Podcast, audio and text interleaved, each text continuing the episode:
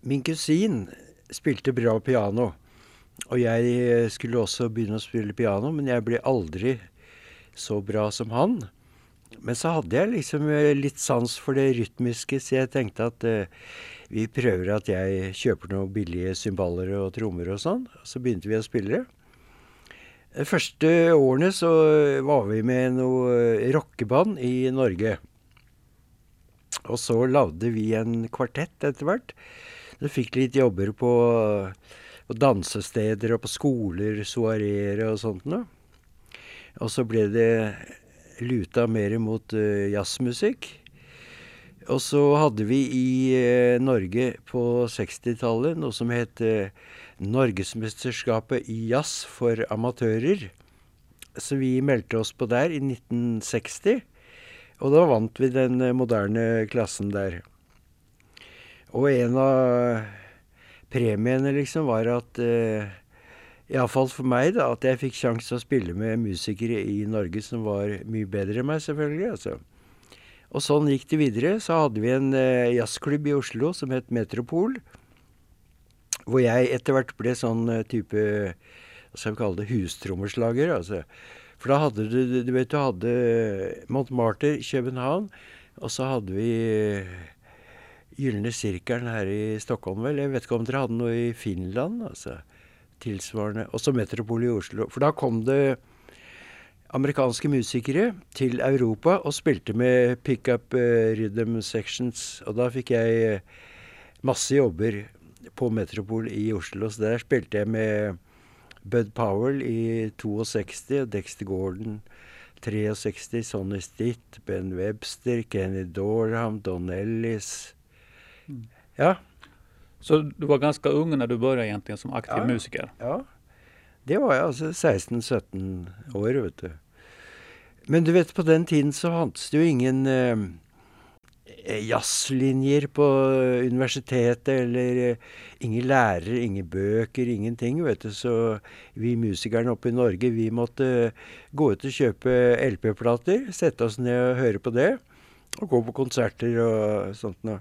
Etter hvert så fikk jeg også litt jobber på festivaler i Molde og Kongsberg. Og, så da møtte jeg masse musikere. Så det var vel liksom eh, starten da for meg. Altså, men det, jeg må jo si det at eh, det var en utrolig fin skole altså, å få spille med alle disse folka, vet du. Så eh, jeg har egentlig aldri vært hjemme og øvd paradidler eller et eller annet. Altså, jeg har prøvd å få spille mye mulig. Så jeg har vært liksom sånn eh, heldig, da, kan du si, med alle disse jobbene jeg har fått, og fått sjanse til å spille med alle disse folka, altså. Mm. Så uh, hadde vi jobb i Kongsberg i 1965 med Jan Garbarek, kvartett. Piano, bass, trommer. Og uh, på den festivalen var også George Russell med sin uh, sekstett. Og så var det jam på kvelden, og da satt jeg og spilte som jeg pleier, med lukkede øyne og litt sånn hodet på skrå. Og så forandret pianokompet seg noe enormt bak meg, vet du, så jeg så opp, og der satt George hadde overtatt pianokrakken der, altså, med sine typiske percussive pianogreier, vet du. Det var show, altså. Så vi ble kjent med han da, og prata. Da bodde han her i Sverige. Stockholm. Og så fråga han liksom helt sånn på skoj, tenkte Jan og jeg, vet Ja, har dere lyst til å komme til Stockholm og være med Jeg skal lage en ny sekstett, og jeg har et storband der. Så sa jeg at ja, faen, det er klart det, altså. Jeg kommer gjerne, jeg. Jan hadde ett år igjen på skolen, så han kunne ikke dra, altså. Men ikke sant, ingen av oss tenkte over Det er bare noe man sier på festivaler. vet du, Hei, hei. Og så ringte George et halvt år etterpå, altså spurte om jeg fremdeles var interessert, sa jeg ja, klart det. altså. Så han ordna en liten hybel her i Stockholm, og jeg dro over og var her i eh, et par-tre måneder. Øvde inn med hans storband og sekstetten. Det var jo For meg var det liksom eh, neste store skrittet, vet du. Å få jobbe med han, altså. For han hadde jo satt systemer på allting, vet du. Og veldig sløye storbandarrangementer som jeg måtte lære meg. Og jeg leste jo elendig noter, vet du. Så jeg eh, kjøpte alt som var av LP-er, og satt hjemme og prøvde å lære alt utenat, da, vet du. Men det var sterkt i storbanearrangementene. Altså, da kom det George delte ut noter til alle musikerne i bandet, og så kom det til meg og delte ut trommestemme, vet du. Og der var alt skrevet, altså. Det var ikke bare liksom åtte takter, 16 takter. Sånn. Det var ding-ding på cymbaler. Og, og så sto det oppe i hjørnet på venstre side av notearket sto det Max Roach. Jaha, tenkte jeg. Mm, hyggelig. Så det var han som hadde spilt dem forut? Altså, Max Roach? ja. George hadde skrevet det for han, da, vet du. Men nu har du, du har sedermera så att säga övat upp notlesningen så at, at du har lært deg det da, då, lese noter. Jo, men det er, det er ikke bra, vet du. I forhold til andre så er jeg helt amatør, altså. Men eh, i eh, 95% av de banda jeg har vært med i, så har jeg hatt eh, en fri rolle, kan du si. Altså spille som jeg kan. Og så godtar de det, altså. Så det har ikke vært noe trommenoter, vet du. Så de, de har liksom hyrt deg, eller de har liksom ansatt deg for at du skal være deg selv? så att säga? Ja. Endelig, vet du. Istedenfor å høre en orkesterleder som sier 'spill som eh, Ja, du vet Steve Gadd, eller 'spill som Buddy Rich', eller et eller annet. Altså. Alt det har jeg sluppet unna. Altså.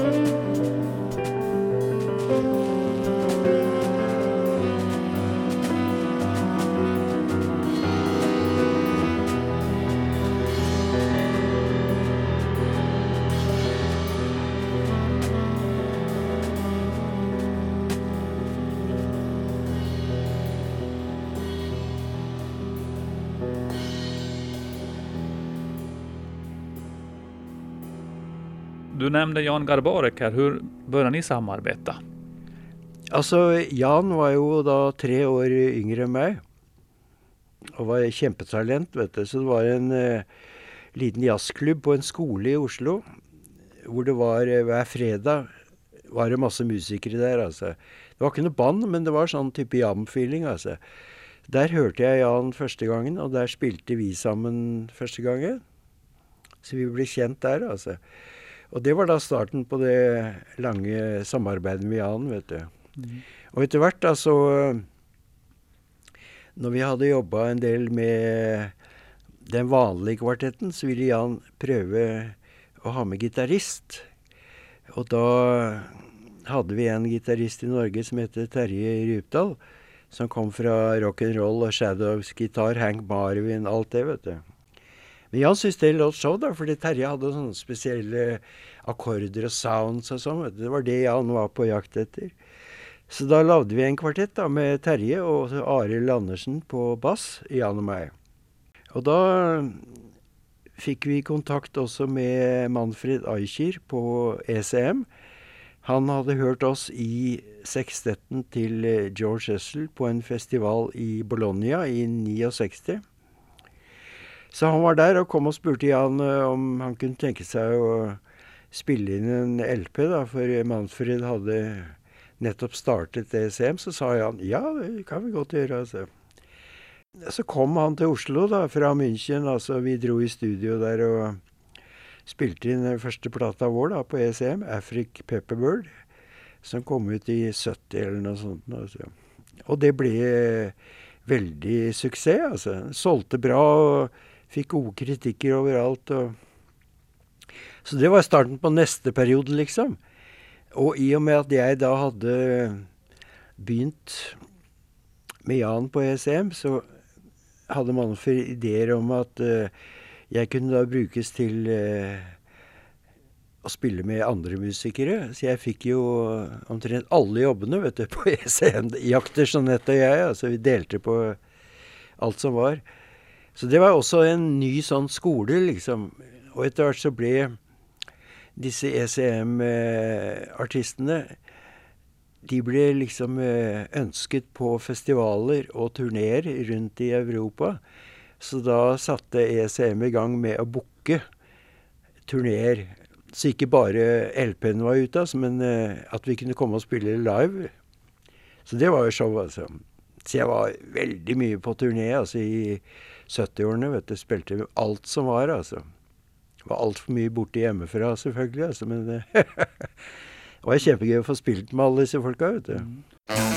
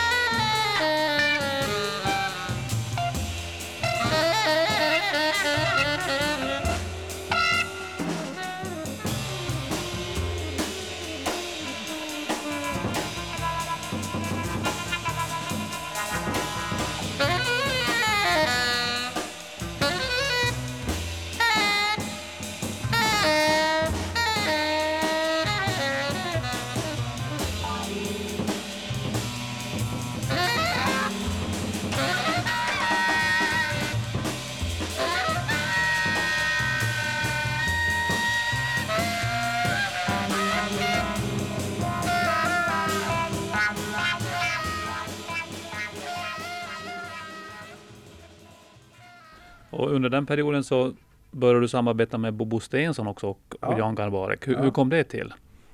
Nei, altså Vi hadde en jobb i Polen på Jazz Jamboree-festivalen i Warszawa.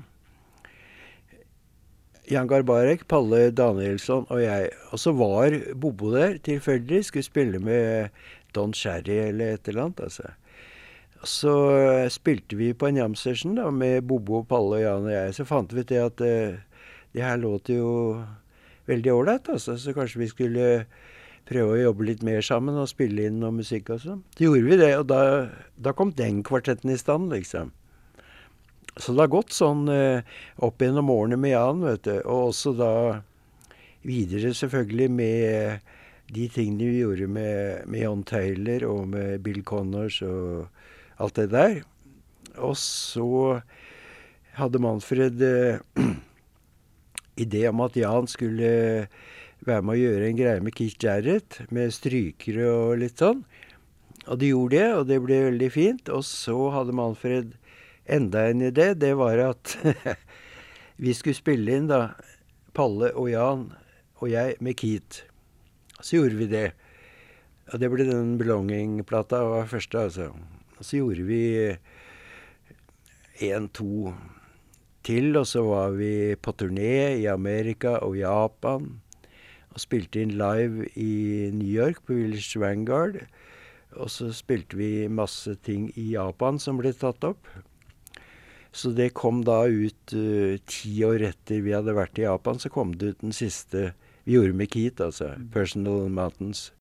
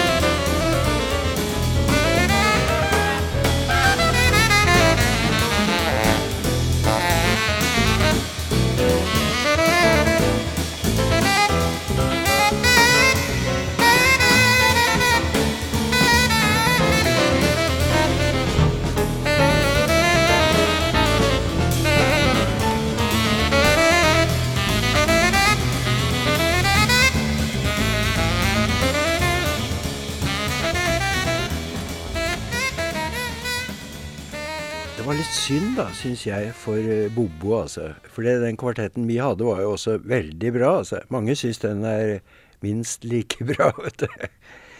Så det var jo det var litt sånn corny at uh, liksom Keith skulle lage kvartett da med Jan og Palle og meg. Liksom Bobo kom litt på sidelinja. altså. Men det var ikke så at Keith Jarrett tok Bobos jobb egentlig, som, som visse Neida. har hevdet? Utan Det det var, var, nei. det var et prosjekt, altså et ECM-prosjekt, satt i gang av Manfred Eicher. Med Keats låter og med oss tre, altså. Så da ble det liksom eh, Det ble hetende da at eh, vi var da Belonging-kvartetten fra den skandinaviske delen av verden. Og så hadde Kit samtidig sin amerikanske kvartett, vet du. Så det var litt gøy, altså. Hur liksom placerar du in den i din karriär? Är det någon slags milstolpe i karrieren, eller är det bara en av alle band som du har vært med i? Nei, altså, jeg må jo si det at å få spille med Keith, vet du, det var eh, Hva skal vi si en milepæl, altså. Det er klart, vet du. Han er jo utrolig bra, altså.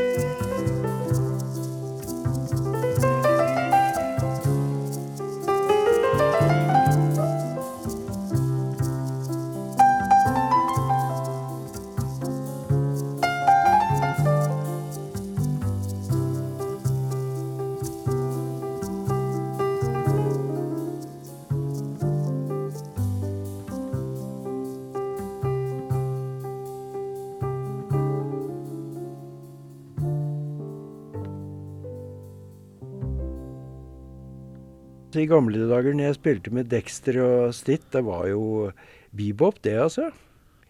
Med walking bass og jing-jing-jing, vet du. Så jeg har vært gjennom alt, det, altså. Men eh, etter hvert med samarbeidet med Jan, så kan du si at vi fant ut det at all den musikken Bebop-musikken og den moderne bebop-musikken, den var jo allerede spilt inn, vet du. Av de beste amerikanerne. Bedre enn det går ikke an å få det, altså. Så vi fant ut det at uh, vi er ikke fra Harlem, vi er fra Norge, altså. Vi må prøve å skape vår egen uttrykksmåte å spille på.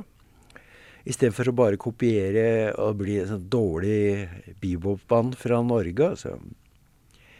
Så derfor så begynte den tanken om å blande inn litt norsk folkemusikk, vet du, og Palle kom med sine ideer, og Bobo med sine ting, altså, så det Det var derfor jeg prøvde liksom å gå bort fra å markere enere etter hver fjerdedel eller åttendel, vet du, og spille lengre bølger, som vi kaller det, altså. Uten å markere så mye enere. Og Jans låter var jo heller ikke A-B-A-låter, altså. Så det blir mer en sånn uh, happening, kan du si. Et langt eventyr, liksom. altså. Men når du spiller, da, så du sa selv at du har ikke gått igjennom så mye paradidler og, og tekniske greier, så du tenker ikke i, i mønster, egentligen, utan du tenker mer i lange sjok ja. altså? Mm. Det kan du si. Og med de jeg har spilt med, da, som godtar at jeg spiller såpass løst som jeg gjør, så man må alltid liksom snakke sammen i et band. Det syns jeg er veldig viktig for eh, yngre musikere nå som kommer. Altså at man prater sammen. Så det ikke oppstår situasjoner på en scene hvor trommeslageren har lyst til å spille litt løsere, og de andre spiller helt streit, og så snur alle seg og ser på trommeslageren. Hva faen er det du driver med? Altså, man må liksom ha det klart at her er det lov å sjanse og sånn, altså. Kreves det at de andre musikerne er ekstra bra om de skal kunne spille på det her settet, om trummisen spiller mer fritt og løst? Ja, du vet, de også må jo holde på sin eh, stil, og sin eh, De må vite at uh, det jeg spiller nå på saksofon, det, det er bra, altså. Så om kompet er der eller der, eller om kompet ikke er der, eller om jeg stopper å spille trommer, så må jo ikke liksom de andre musikerne få noe spader for det, altså. Alle må stole liksom på, lita på hverandre, altså.